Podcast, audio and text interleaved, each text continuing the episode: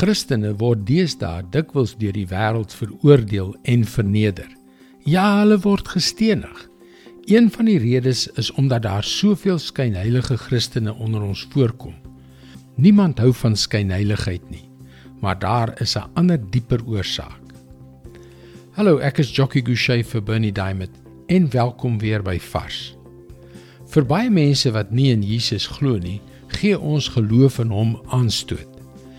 En ek verstaan dit baie goed. Voordat ek 'n Christen geword het, het die dinge wat die Christene gesê en gedoen het my vies gemaak. Selfs die goeie dinge, ja, miskien hoofsaaklik die goeie dinge, het my tot in my siel geafronteer.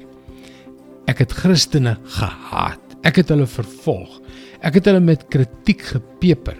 As ek terugdink daaraan, moet ek myself afvra, hoekom was ek so driftig?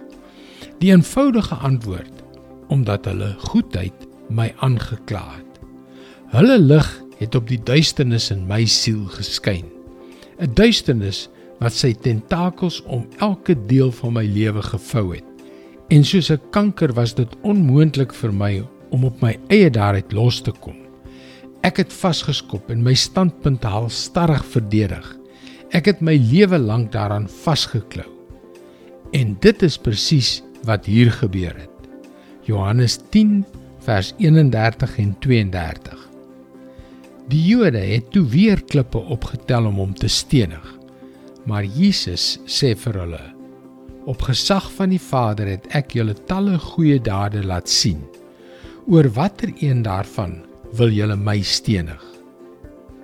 En dis presies wat hulle gedoen het. Hulle het hom uiteindelik doodgemaak.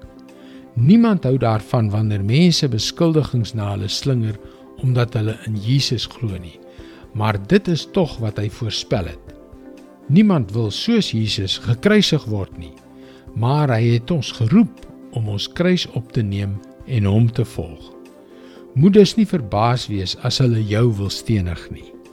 Dit is God se woord vars vir jou vandag. Om 'n opregte lewe te leef is moeilik. Jy kan nie aanhou om dit in jou eie krag te doen nie. Jy het bonatuurlike krag nodig. Jy kan boodskappe soos hierdie per e-pos ontvang. Gaan na ons webwerf varsvandag.co.za en teken in.